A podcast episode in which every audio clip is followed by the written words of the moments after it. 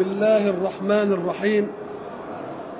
الحمد لله رب العالمين والصلاة والسلام على أشرف المرسلين وخاتم النبيين ورحمة الله للعالمين سيدنا محمد وعلى آله وصحبه أجمعين.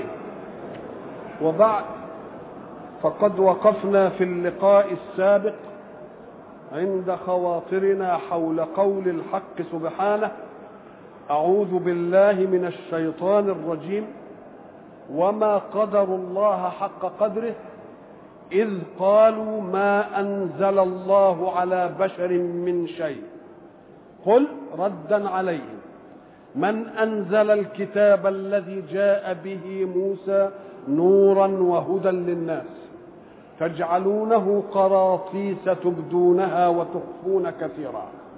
وعلمتم ما لم تعلموا أنتم ولا آباؤكم.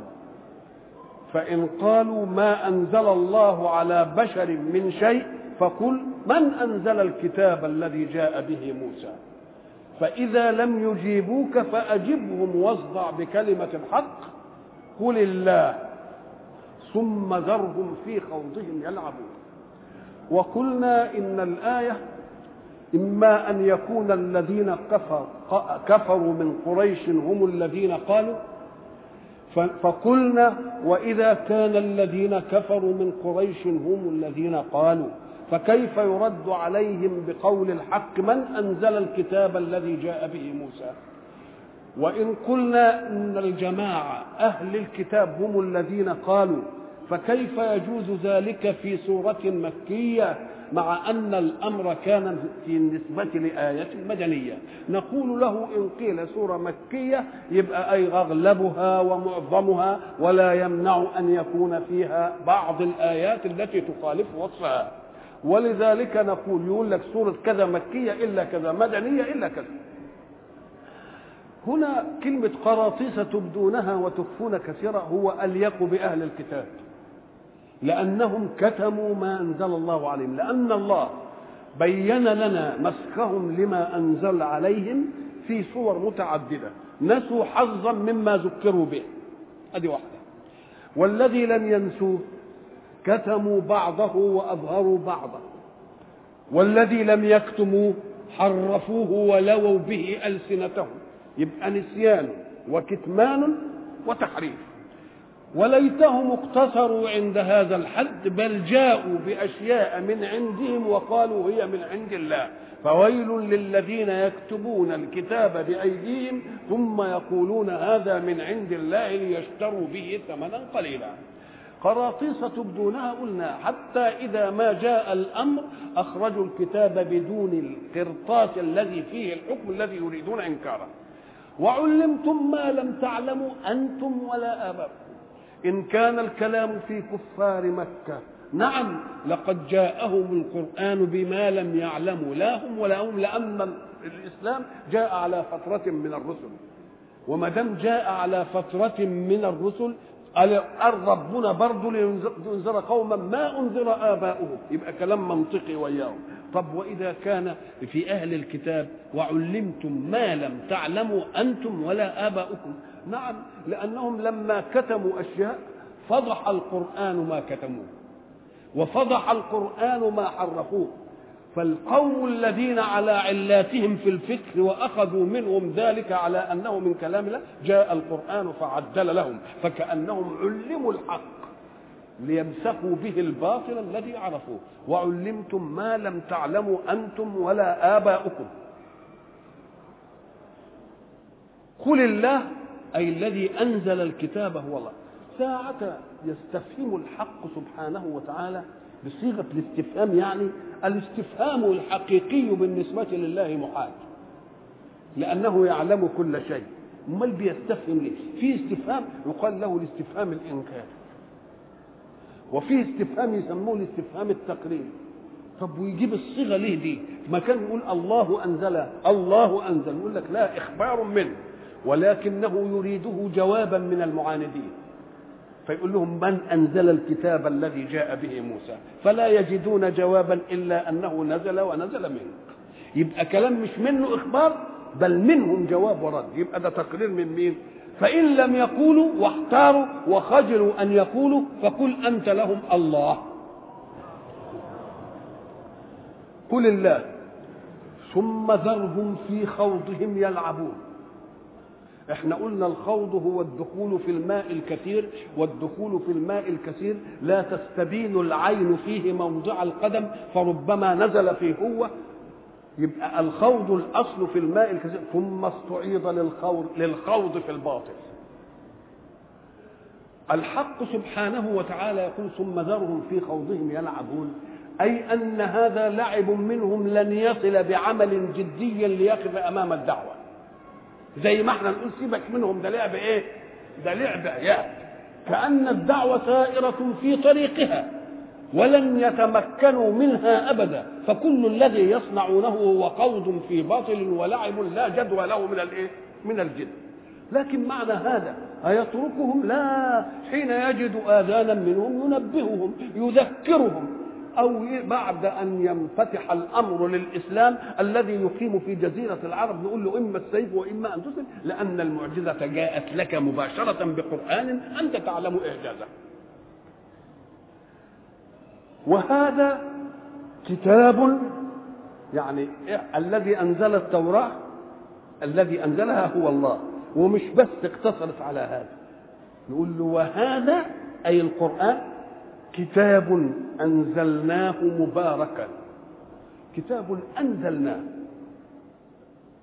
كلمة أنزلنا الأصل فيها نون وزين ولا نزل. إلا أنها تستعمل بالنسبة للقرآن استعمالات متعددة. مرة يقول أنزلناه في ليلة القدر. ومرة يقول ونزلناه تنزيلا. ومرة يسند النزول للقرآن. وبالحق أنزلناه وبالحق نزل. ومرة يسند إلى من جاء به. نزل به الروح الأمين على قلبه. تعابير متعددة. مرة يقول أنزلنا. مرة يقول نزلنا. مرة يسند النزول للقرآن نزل وبالحق أنزلناه وبالحق نزل. ومرة يقول اللي جابه اللي هو الوحي نزل به الروح الأمين. نقول له دي صحيح؟ الاشتقاق. إنما دواعي الاشتقاق إيه؟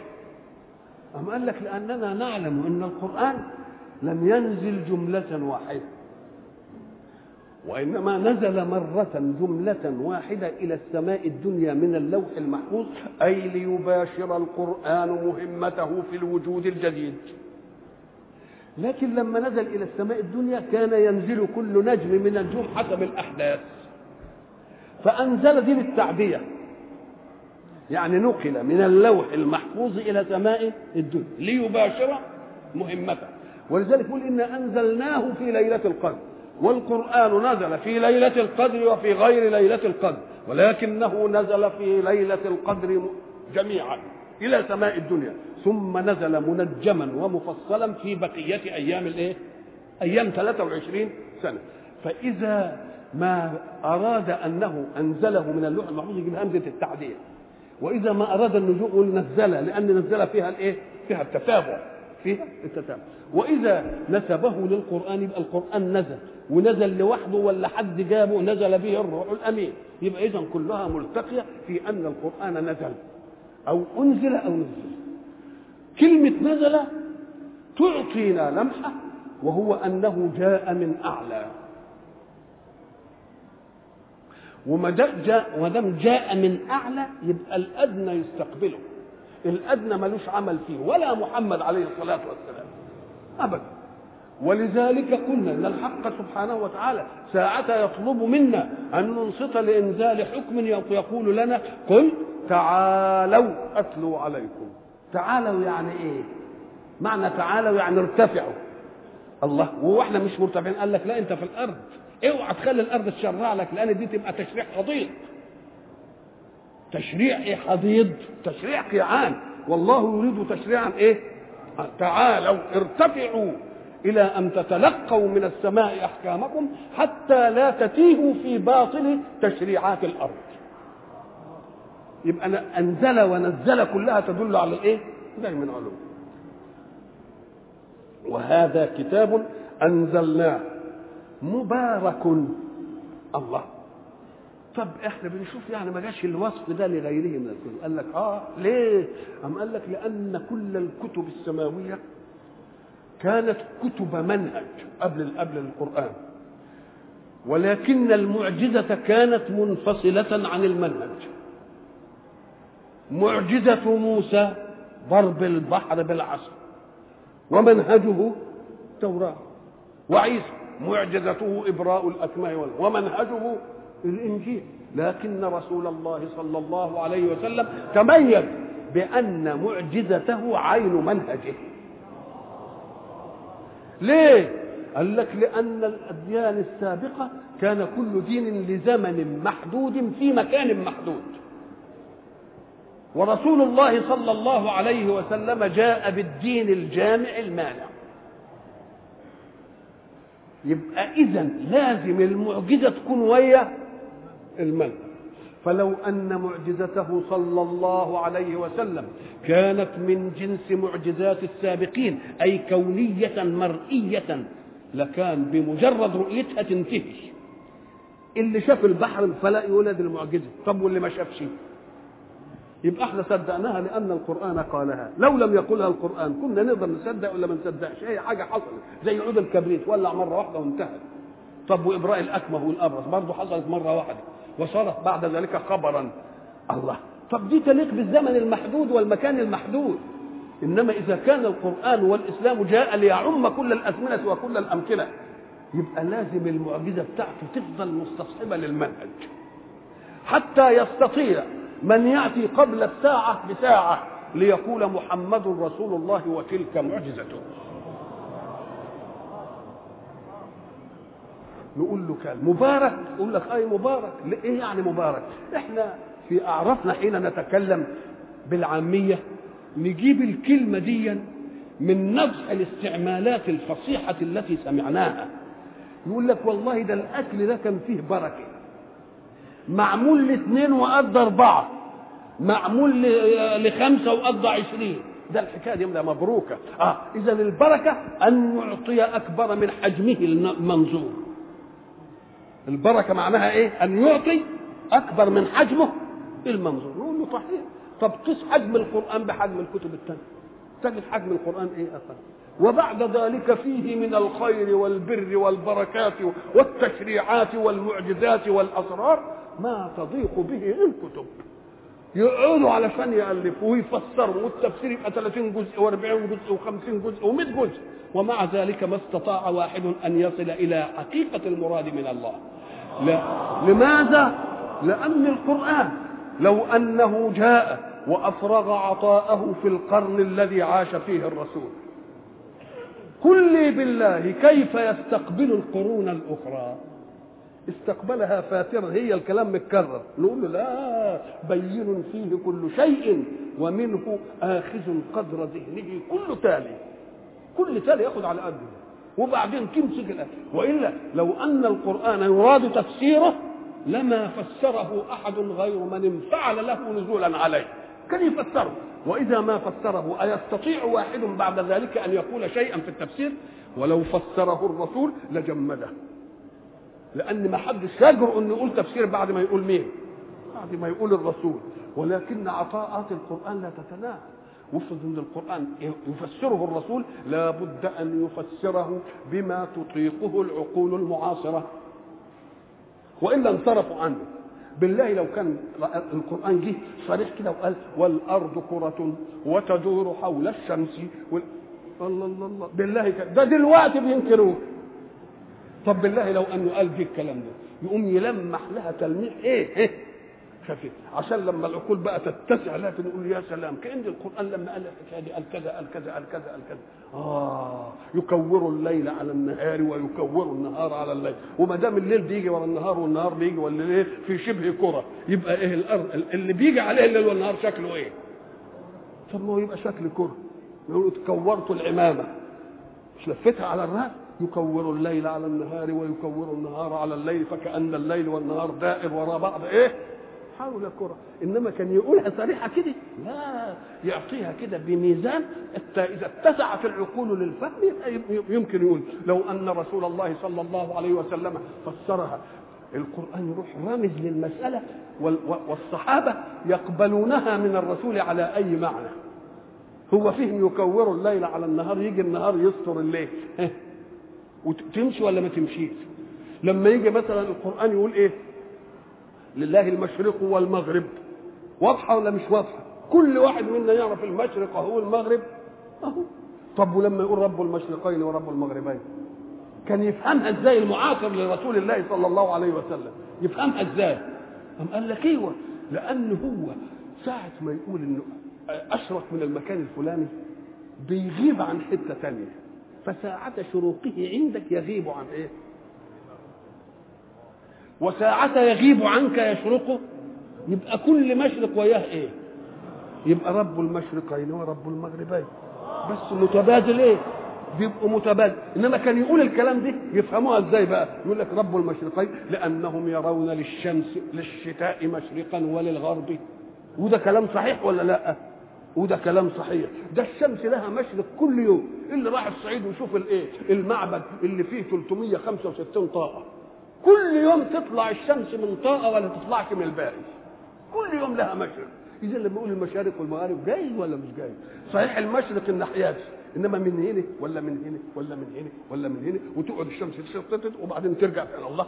إذا فالقرآن مدي بأسلوب يحتمل العقل المعاصر وإذا ما جد فيه جديد يبقى ولما يقول لك بعض رب المشارق والمغارب يفهمها إزاي؟ زي يفهمها؟ زي ما فهمناها؟ كل يوم له إيه؟ وكل يوم له إيه؟ وكل يبقى يفهمها. وتمشي ولا ما تمشيش؟ ولكن أمعنى أن هناك تأويل ينسخ تأويلا آخر؟ لا ده يرتقي بالتأويل الآخر. ولكنه لا يمنعه. يرتقي بالتأويل ولا يمنعه. نقول له صحيح. ما دام المسألة بالشكل دي يبقى كل واحد من ألف من الثانية. بتطلع الشمس ولا لأ؟ وكل واحد من ألف من الثانية بتغيب الشمس ولا لأ؟ يبقى كل لحظة فيها شروق وفيها إيه؟ وفيها غروب. وإحنا بنبقى في القاهرة ويجان المغرب والشمس تغيب ويقولوا لنا افطروا. وبعدين يقولوا على القرية مراعاة التوقيت ونبص نلاقي الشمس في اسكندرية إيه؟ عالي يبقى فيه كل ساعة كل لحظة إيه؟ مشرق. يبقى اذا فرسول الله صلى الله عليه وسلم لم يشأ أن يفسره التفسير لأنه لا بد أن يفسره بما تطيقه العقول المير. المعاصرة. إن فسره بما تطيقه العقول المعاصرة لم يعطي العقول التي تأتي بعد غذاء من القرآن. يقوم يسيبه كده. إيه ولذلك تجد ذلك في آيات الكون. إنما في الأحكام وحده اللي هناك هو اللي إيه هو اللي هنا. إنما في الأشياء التي لا العلم بتاعها ما ينفعش وجهلها ما يضرش. طب ما كناش نعرف إن الأرض كرة ما الذي زاد من الحكم طب عرفنا إنها كرة ما الذي نقص من الحكم تبقى مسألة سر كوني في الكون بس. إنما هيترتب عليه حكم زائد ما يترتبش. وربنا عايزنا عشان ناخد الأحكام الإيه إزاي. لما يجي مثلا يقول لك يا أخي بقى عملية زي دي في الكون. ما كانش القرآن يقول له لا العقل ما يطيقهاش. ولو كان العقل ما يطيقهاش ينصرفوا عن الأصل. يبقى يبقى شغلناهم بشيء لا يضر ولا ينفع. لإيه؟ نعمل إيه نكفهم عن شيء يضر يضر وينفع. ولذلك لما تيجي تشوف القرآن تيجي أكثر من آية يديك الحقائق اللي موجودة في القرن العشرين اللي, اللي لا يزال الناس بيختلفوا بيختلف إذا قرأت القرآن مثلا لا الشمس ينبغي لها أن تدرك القمر ولا الليل. بالله لو قال ولا الليل سابق النهار. كلمة ولا الليل سابق النهار ساعة ما تجيب لا دي تقول إيه؟ زيد ليس عندي ولا عمرو. يبقى ما دام ولا الليل سابق النهار يبقى أدت إلى أن في حاجة تانية. إزاي؟ أم قال لك؟ لأن العرب كانت تعتقد أن الليل يأتي اولا هيك ثم تغيب الشمس فيأتي بعده مين؟ وجاء الإسلام بقضايا تؤكد ذلك الفهم. طب رمضان يدخل بليله أم بنهاره؟ الله يبقى الليل بيجي أول وبعدين النهار يبقى تبعه. يبقى الليل الأول وإيه؟ معنى أن الليل أرخنا بالليل ولا لا؟ في الشهور الهلالية. بنأرخ بالليل. يبقى الليل الأول يدخل في الشهر وبعدين النهار إيه؟ يتبعه. طيب على الأول. طب لما أنت تأرخ بالليل والنهار يجي إيه؟ يتبعه. كأنك قلت الليل يسبق النهار. ما دام القضية دي كده متفقين عليها ما نخالفهاش. ويبقى مقابلها إيه؟ النهار لا لا يسبق الليل. فربنا قال إيه؟ القضية الأولى صح والثانية ولا الليل. يبقى لدى سبيق ده. أنتم معتقدون أن النهار لا يسبق الليل. وتعتقدون أن الليل يسبقه أم قال لهم ولا الليل سابق النهار؟ يبقى لدى سبيق ده ولدى سبيق طب ولا سبيق ده إزاي ما تجيش إزاي؟ أم قال لك إيه؟ ولا لهذا ولا هذا. طب وإذا كانت الأرض مسطوحة. عدلة كده. إما أن تخلق الشمس مواجهة للأرض يبقى النهار الأول وبعدين تغيب يقوم يجي مين طيب إن خلقت غير مواجهة يبقى الليل يجي وبعدين تطلع. الله إذا هي مش مسطوحة لازم تكون كورة. بحيث حين خلق الله الكون الجهة المواجهة للشمس كانت نهارا. وغير المواجهة كانت ليلا في الوقت نفسه. فلا هذا يسبق هذا ولا هذا يسبق هذا. وتنتهي المسألة. يبقى مبارك ولا مش مبارك؟ كل يوم عمالين إيه؟ الله عمالين عمالين نطلع منه أشياء. كل يوم. ولذلك النبي عليه الصلاة والسلام لما عربه وهو أول منفعل به قال إيه لا تنقضي عجائبه يعني خدوا بالكم. خدوا بالكم إن عجائبه ما تنقضيش. كل يوم يدي إيه؟ يدي عجائب إحنا لما جينا قلنا إن مثلا ال ال كان زمان الواحد يقول إيه؟ سرت على الأرض. مش كده قلنا سير على الأرض؟ لا لما جه القرآن يعبر ما قالش كده. سيروا في الأرض. ادي إحنا بقينا نقول أهي الأرض ظرف للسير وخلاص ونمشي وتتفهم على كده. طب عال قوي وبعدين؟ قال لك لما عرفنا إن الأرض كورة وإن لها الأرض بدون هواء قيمتها إيه؟ يبقى اذا الهواء من لازم من لوازم مين؟ من لوازم الأرض. ولذلك يقول لك الغلاف الهوائي ده من مين؟ من الأرض. طب لما أنت بتسير أنت بتسير فوق الهواء ولا فوق اليابسة وفوقك الهواء؟ تبقى أنت بتسير فين؟ أنت بتسير يبقى ده من عطاء القرآن. يبقى مبارك ولا مش مبارك؟ يقول لك إيه؟ القرآن يقول إيه؟ لأصلبنكم في جذوع النخل. ما إحنا قلنا مبارك يعني حاجة كده إنما تأدي إيه؟ حاجة كبيرة قوي. لأصلبنكم في جذوع النخل. يقوم يقولوا في التفسير لأصلبنكم على جذوع النخل. الله طب شال فيه وحط شال على وحط فيه. اوعى تقول لأصلبنكم على جذوع النخل بس. لازم تقول ما يأتي. لأصلبنكم في جذوع النخل. معناها لأصلبنكم على جذوع النخل تصليبا قويا بحيث تدخل أجزاء المصلوب في المصلوب فيه. شوف كلمة دي هات عود كبريت كده. عود كبريت وحطه على صبعك وبعدين لف عليه إيه؟ فتلة. تبص تلاقي كل ما تشد الفتلة العود يعمل إيه؟ يغوص مش يعلم. يغوص فكأنه بقوة الصلب دخل العود في الإيه؟ في الاصبع أهو برضه بيقول حصل لكم تصليب يدخلكم في إيه؟ في جذوع النخل يبقى على لوحدها ما تنفعش. شوف بقى كلمة في عملت ادتنا إيه؟ ادتنا معاني إيه؟ معاني كتيرة قوي. يبقى ده مبارك ولا مش مبارك؟ كل يوم تيجي فيه حاجة جديدة تلتفت تلاقي الناس عمالين يتعبوا ويكتشفوا في أسرار الكون ويعملوا كذا ويعملوا كذا ويعملوا كذا. وبعدين القرآن يكون ماسسها مس إيه؟ كفي. لا عمل معمل ولا عمل تجربة ولا عمل أي حاجة. وبعدين تلتفت تلاقيها آية ممسوسه مش في فصل. يقال له فصل كذا. لا ده هي جاية في طي الإيه؟ طي الكلام. يعطي عطاءه الوفير كده مش مش قصدا بباب وفصل ويحدد يقول لك لا لا لا ابدا. لو أنت لما تيجي مثلا تقرأ قول الحق سبحانه وتعالى في عذاب الآخرة يقول كلما إيه؟ نضجت جلودهم بدلناهم جلودا غيرها ليذوقوا العذاب. يبقى علة التبديل إيه؟ الإذاقة. أكنه لو ما بدلش الجلد وسابه يحرق الإذاقة تمتنع ولا لأ؟ الله فكأن الإحساس كله بالألم من إيه من ما بدلوش يبقوا ما يحسوش بحاجة. بدلناهم لإيه؟ ليذوقوا. قعدت بقى المسألة دي شغلة العلماء فالأول يقول لك الحس المخ وبعدين قال لك لا ده في النقاع الشوكي عشان الحركة العكسية ومش عارف وبعدين أخيرا اهتدوا إلى أن الشعيرات الحسية منبطحة في الجلد. بحيث إذا جبت إبرة ونفذته تؤلمك بقدر ما تنفذ من الجلد. زي شكة البرغوث وبعدين تمشي. الله. يبقى الجلد هو محل الإيه؟ إنما القرآن اداها كده يبقى مبارك ولا ولا مش مبارك؟ يبقى مبارك.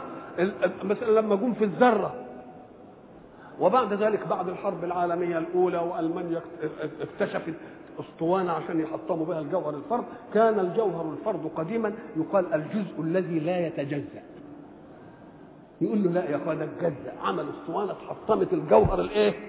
الفرد. اللي نشأ منها تفتيت الذرة. تفتيت فلما جت وتفتتت الذرة وبقى ما دام اتفتتت يبقى اجزاها أصغر منها ولا لأ؟ أم قال ده ربنا ضرب المثل بحكاية من يعمل مثقال إيه؟ نقول له بس أصلك أنت ما أنتش عارف لأنك لو استوعبت قراءة القرآن لعلمت أن لله رصيدا في هذا التحطيم. عنده رصيد. لأن إيه؟ لا يعزب عن علمه مثقال ذرة في إيه؟ ولا أصغر من ذلك. وبعدين قال ولا أكبر. وكلمة أصغر مرحلة ثانية لأن أصغر بعد صغير. يبقى كان يقول لا مثقال ذرة ولا صغير ولا يبقى فيه لسه رصيد عندنا ولا لا؟ رصيد إن حطموا المحطم يبقى فيه رصيد في الإيه؟ يبقى دي البركة ولا لا؟ وهذا كتاب مبارك. وهذا كتاب أنزلناه مبارك. مصدق الذي بين يديه. ساعة تقول بين يدي الشيء بين يدي. الإنسان موقفه دائما على الأمامية. فشيء يسبقني يبقى ورايا ولا قدامي؟ يبقى قدامي. يبقى اللي قدامي بين إيه؟ واللي ورايا من خلفي. طب الكتب لما نزلت هو اللي نزل الأول واللي هو اللي نزل الأول.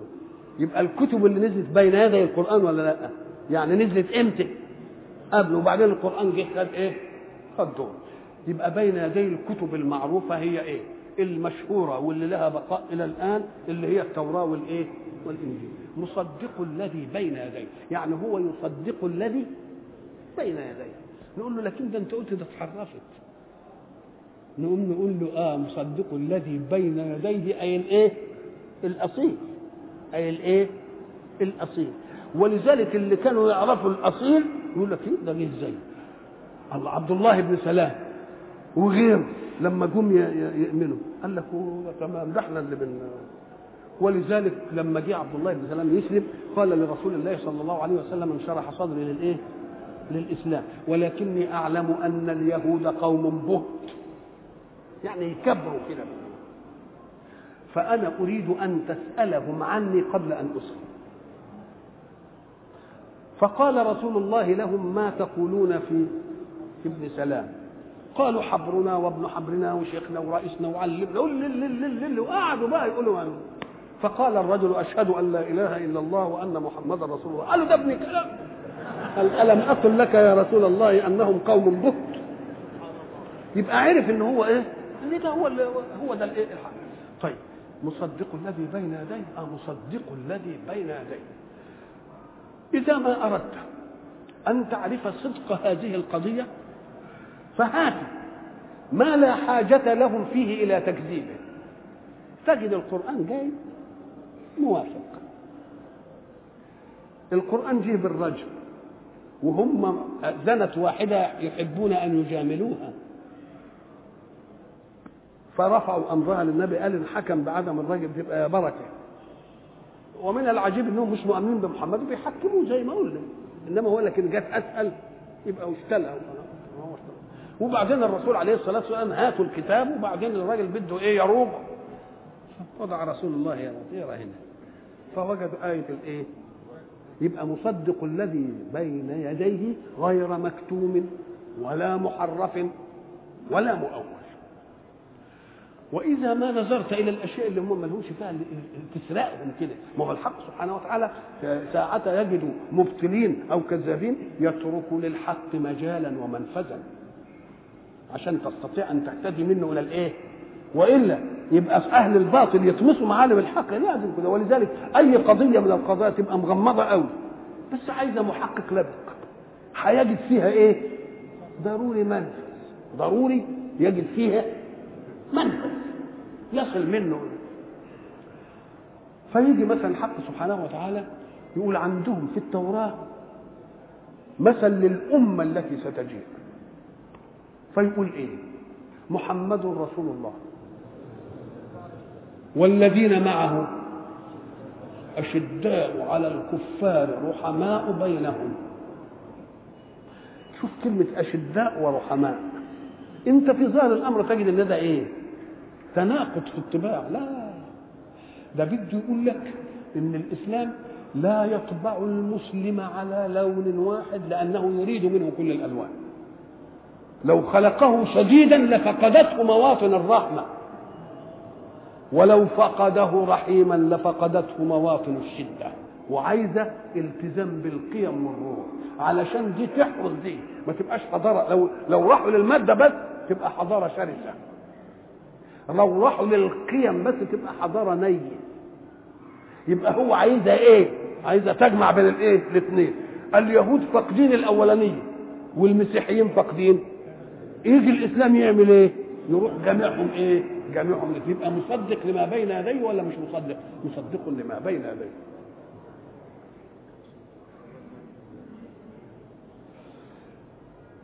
ولتنذر أم القرى. مصدق لما بين يديه. دي جابت أهل الكتاب. عايزين بقى التانيين الجماعة اللي مش أهل الكتاب اللي هم كفار قريش ولتنذر إيه؟ أم القرى ومن حولها. أم القرى إحنا تعرف إن أم القرى يعني مكة. أهي دي خدها الجماعة اللي قال لك ده القرآن نازل لجماعة العرب. لأن أم القرى واللي حواليها يقول والله يا أخي أنت ما معطيات اللفظ حتى. ما هو الحول اولا؟ حول أي نقطة هو كل نقطة. لما تيجي توقف أي حاجة كده وحولها اعمله قطر 10 متر. طب قطر 20 كيلو. طب قطر 100 كيلو يبقى حولها برضه ولا لا؟ فكل ما بعدت يبقى حولها ولا مش حولها؟ يبقى كلمة الحول تشمل كل ما حول كل مكان يشمل كل مكان. وسميت طبعا أم القرى ليه؟ إما لأن هاجر لما نزلت بابنها الرضيع نزلت بواد غير ذي زرع. وبعدين تكاثر الإيه؟ الناس. فصارت دي كالايه أولى فيها الكعبة وكل الناس بي إيه؟ بيأموها ده كلام عام. أو لأن الحج بيجيب الإيه؟ كما يهب الأبناء إلى إيه؟ إلى أمهم. لتنذر أم القرى ومن حولها. والذين يؤمنون بالآخرة يؤمنون به. يبقى من الذي يؤمن بهذا الكتاب الذي أنزله مصدق لينذر به أم القرى والآخرة؟ الذين يؤمنون بالآخرة. إيه الربط ده؟ قال لك لأن مش يروح لتعاليم القرآن ياخدها وينفذها الا الذي يؤمن بأن فيه يوم هنذهب فيه إلى الآخرة. يقوم يخاف فيرهب المعاصي. ويرغب في الطاعة. ما دام في ثواب وفيه إيه؟ أما الذي لا يؤمن بالآخرة وتيجي تقول له عف وما عفتش هتعمل لي إيه؟ ما تسرقش. وإن سرقت هتعمل لي إيه؟ وما تتكبرش. وإن تكبرت هتعمل لي إيه؟ الله. يبقى اذا إيه اللي إيه اللي مالكنا بالاخره يبقى الذي لا يؤمن بالآخرة يقول لك وإيه لازم مش لازم لله. لأنه لا لا ما فيش إلا إنه هيقيد حريتي. طب ويقيد حريتي ليه؟ نقول له بس ما هو أنت برضه بتاخدها سطحية برضه على فرض إنه بيقيد حريتك. هو بيقيد حريتك أنت لوحدك. ما هو بيقيد حريه الكل. فإن قيد حريتك بالنسبة للناس بيقيد حرية الناس بالنسبة لك. حتى يعني لو لم يكن دي لكان إيه؟ لكان نظام. لما يقول له ما تسرقش من فلان بيقول يقول للناس كلها ما تسرقوش من فلان. لا تنظر إلى محارم فلان. بيقول للناس كلها ما تنظروش إلى محارم فلان. يبقى أنت خدت حقك ولا لأ؟ على فرض إن ما فيش آخرة حتى. يبقى خدت نظام متساوي. نظام ما تتعبش فيه. ليه؟ لأن الجاري عليك جار على غيرك مع مع جريانه إيه؟ مع جريانه عليك. ده كلام عن الذين لكن اللي بيؤمنوا بقى بالآخرة اللي ما يحبش النظام ويحب مش عارف إيه وبتاع وقوي وواخد بحقه بدراعه ما يمكنش يخاف الا قلنا له إن فيه إيه؟ إن فيه آخرة. أما الذي لا يؤمن بالآخرة لأن ما دام الآخرة فيها ثواب وفيها عقاب. وفيه وعد وفيه وعيد كل واحد بده ينجي نفسه من إيه؟ من العقاب ومن الوعيد ويدخل نفسه في الوعد وفي الإيه؟ وفي الثواب. ولله المسألة على لما نيجي مثلا نمثل آه نقول للولد روح احضر علم علم لذاته كده أنا عايزك تحضر أنا مش عايز شهادة وبعدين تقول له لا ده أنا عايز شهادة يبقى اللي عايز الشهادة يعمل إيه؟ يذاكر لأنه خاف لا يسقط. يقوم يحب إيه؟ طب وما كانش في امتحان بقى. يذاكر ما يذاكرش قد بعضهم. يبقى مين أقرب إلى الاستجابة؟ الذي يؤمن بإيه؟ الذي يؤمن بالآخرة.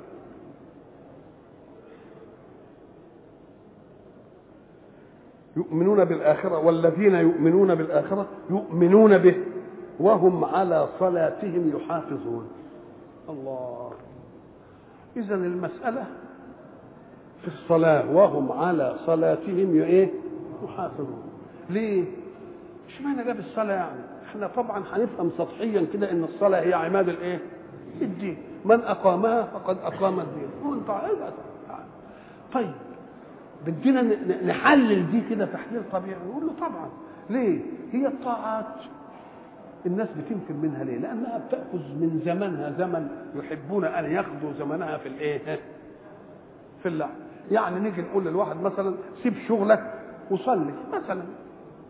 يقوم يقول لا ده لو سبت شغلي يبقى يضيع عليا مثلا كذا. كان كنت دكتور كم كشف وكان كده تتعطل الآلة قد كده وتتعطل الله. يبقى الزمن اللي هتتاخد في الصلاة هو اللي إيه؟ هو اللي عامل العملية هنقول له يا أخي لا تعالى والبركة تعوض مثلا. امسك أركان أركان الإسلام. تجدها بالنسبة لانشغال الزمن بها. ثم تجد ركن ما يحتاجش منك إلا أن تقوله مرة. واحدة أشهد أن لا إله إلا الله.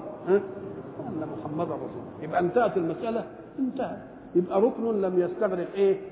زمنا طويلا أدي بالنسبة للزمن طيب تعالى يا سيدي للزكاه أما قال لك الزكاه دي هتعوز مني إيه؟ يوم حصاده. اعملها مش هتاخد مني زمن يعني. تفريق الزكاة وبتاع طب والصوم ما هو شهر في السنة.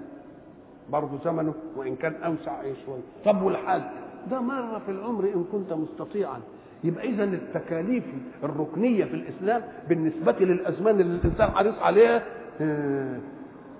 بسيط الزمن لكن الصلاة هي اللي إيه؟ كل يوم. ومش كل يوم مرة. كل يوم خمس مرات يبقى هي رقعتها بالنسبة للزمن أوسع. والطريقة إليها برضه أطول لأنه لازم إيه ما عندوش حدث وما فيش نجاسة وطهارة وطهارة المكان ويتوضأ ويعمل برضه عملية إيه. لذلك جاءت الصلاة ركنا أصيلا في الإيه؟ في الإسلام عماد الدين. طيب أنت قاعد ويا واحد كده ما قالش طبعا أشهد أن لا إله إلا الله وأن محمد لأنه هو قالها قبل كده خلاص. طيب. وما كانش في رمضان يبقى مش صايم. وما فيش يوم حصاده يبقى ما بيزكيش. وبعدين ما هوش في موسم الحج ما حجش. تبقى أنت ما لا تعرف إن كان مسلم ولا مش مسلم. لكن سمع الوقت وقام يصلي كده. يبقى عرفت مسلم ولذلك هي الفارقة بين الإيه؟ لأن ديك ازمانها محصورة ده الأول. ومع أنها كذلك أخذت من التشريع حظها من الركنيات الأصيلة. ليه؟ كل تشريعات الإسلام أركانا وفروعا جاءت بالوحي. إلا الصلاة. فإنها جاءت بالمباشرة.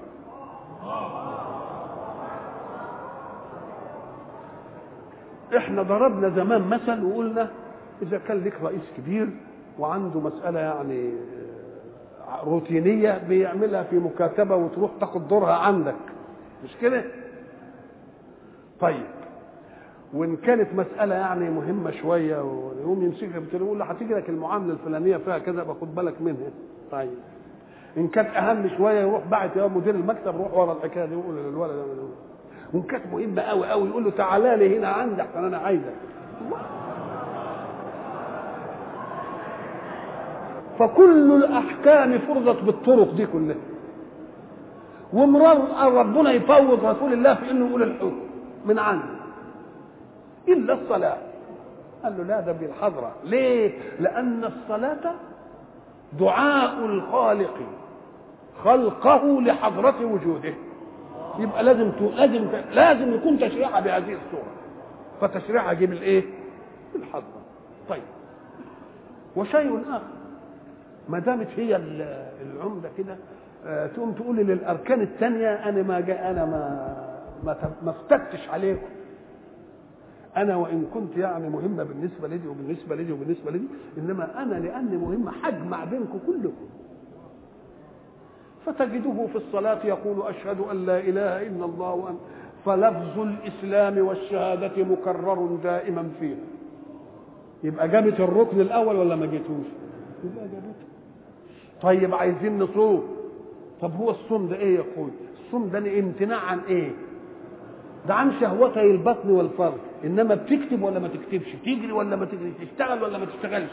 لا يقول الصلاة مش امساك عن الأكل والشرب بس ولا شهوتها ده امساك عن كل حركة. يبقى صيام فأكثر ولا مش أكثر؟ لأن الصلاة لأن الصيام بيمنعك عن حاجتين اثنين. إنما هي بتمنعك عن كل إيه؟ يبقى ده إمساك كبير قوي ده واسعه وتقول له يا صيام ده أنت دخلت وإيه؟ وأوسع منك شوية. الله طب والزكاة؟ أم قال لك الزكاة؟ الزكاة دي معناها إيه؟ مش بتطلع بعض مالك؟ آه، والمال فرع الإيه؟ فرع العمل والعمل فرع الوقت؟ يبقى؟ الزكاة إيه فرع وجود مين؟ مال. والمال فرع إيه؟ العمل. والعمل فرع إيه؟ فرع الوقت. يبقى أنت حين تزكي بتزكي بالحلقة الكام؟ الوقت خلاك تعمل والعمل جاب لك مال وبعدين طلعت من المال شيء يبقى الزكاة واخدة من آخر حلقة. لكن الصلاة واخدها من أول. الوقت الأصيل هي واخدها. الله. ده واخدة وقتك. مش الثمرة بتاع العمل لا واخدها كله. طيب وبعدين قام قال لك وهات الحج بقى. طب مش الحج واللي مش مستطيع واللي مستطيع كلهم. قبل ما يقف للصلاة لازم يتحرى أن يتجه إلى بيت الله. يبقى فيها كل الأركان وإلى لقاء آخر إن شاء الله.